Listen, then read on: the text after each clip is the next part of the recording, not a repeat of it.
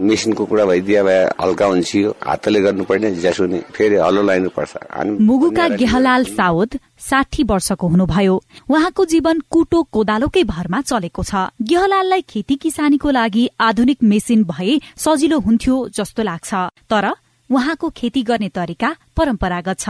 काभ्रेका विष्णु प्रसाद सापकोटाले थोरै मात्रामा आधुनिक प्रविधिको उपयुक्त गर्नु भएको छ। तर उत्पादनले मूल्य नपाएको गुनासो गर्नुहुन्छ।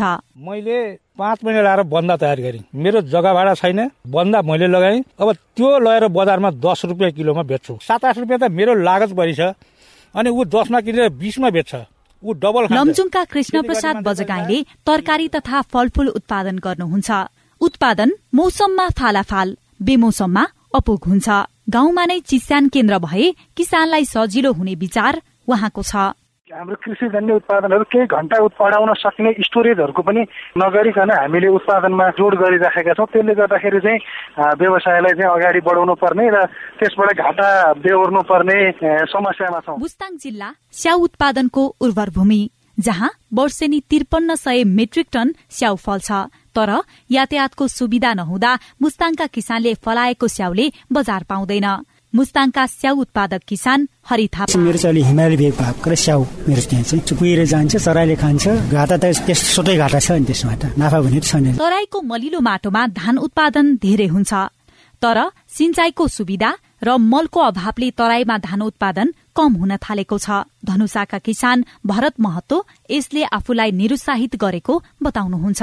सामान्य मजदुरको जयालाई पनि पाँच सय सात सय हजार छ। समय समयमा मलको अभाव हुन्छ। मल पनि त्यस्तै किसिमको महँगो छ। तोरी पहिला भन्दा घट्दै गएको छ। शीत भण्डार बिउ भण्डार चिस्यान केन्द्र कृषि सूचना केन्द्र आधुनिक प्रविधि जस्ता कृषि सम्बद्ध पूर्वाधारको अभावले कृषि क्षेत्रमा आकर्षित हुन सकेका छैनन्।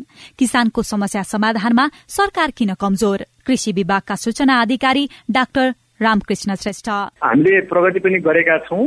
र जति हाम्रो सरकारको क्षमता छ राज्यको क्षमता छ त्यति अनुसार काम भइराखेको छ यो कृषि पेसा भनेको यति धेरै पक्षहरू समावेश हुन्छन् कि यसमा यो जादुको छडी जस्तो आजको भोलि हुने होइन। हामीले के हेर्नु पर्यो भन्दाखेरि जनसङ्ख्या हाम्रो यो बिचमा यत्रो डरलाग्दो तरिकाले जनसङ्ख्या बढ्यो। एउटा कुरा सरकारको क्षमता त्यो पनि बुझ्नु पर्यो। हाम्रो लगानीको क्षमता त्यो पनि हामीले बुझ्नु पर्यो। अनि हामीसँग सम्बन्धित हुने विषयहरू त्यो पनि बुझ्नु पर्यो। कृषि क्षेत्रको वार्षिक औसत वृद्धि दर तीन दशमलव चार प्रतिशत मात्रै छ।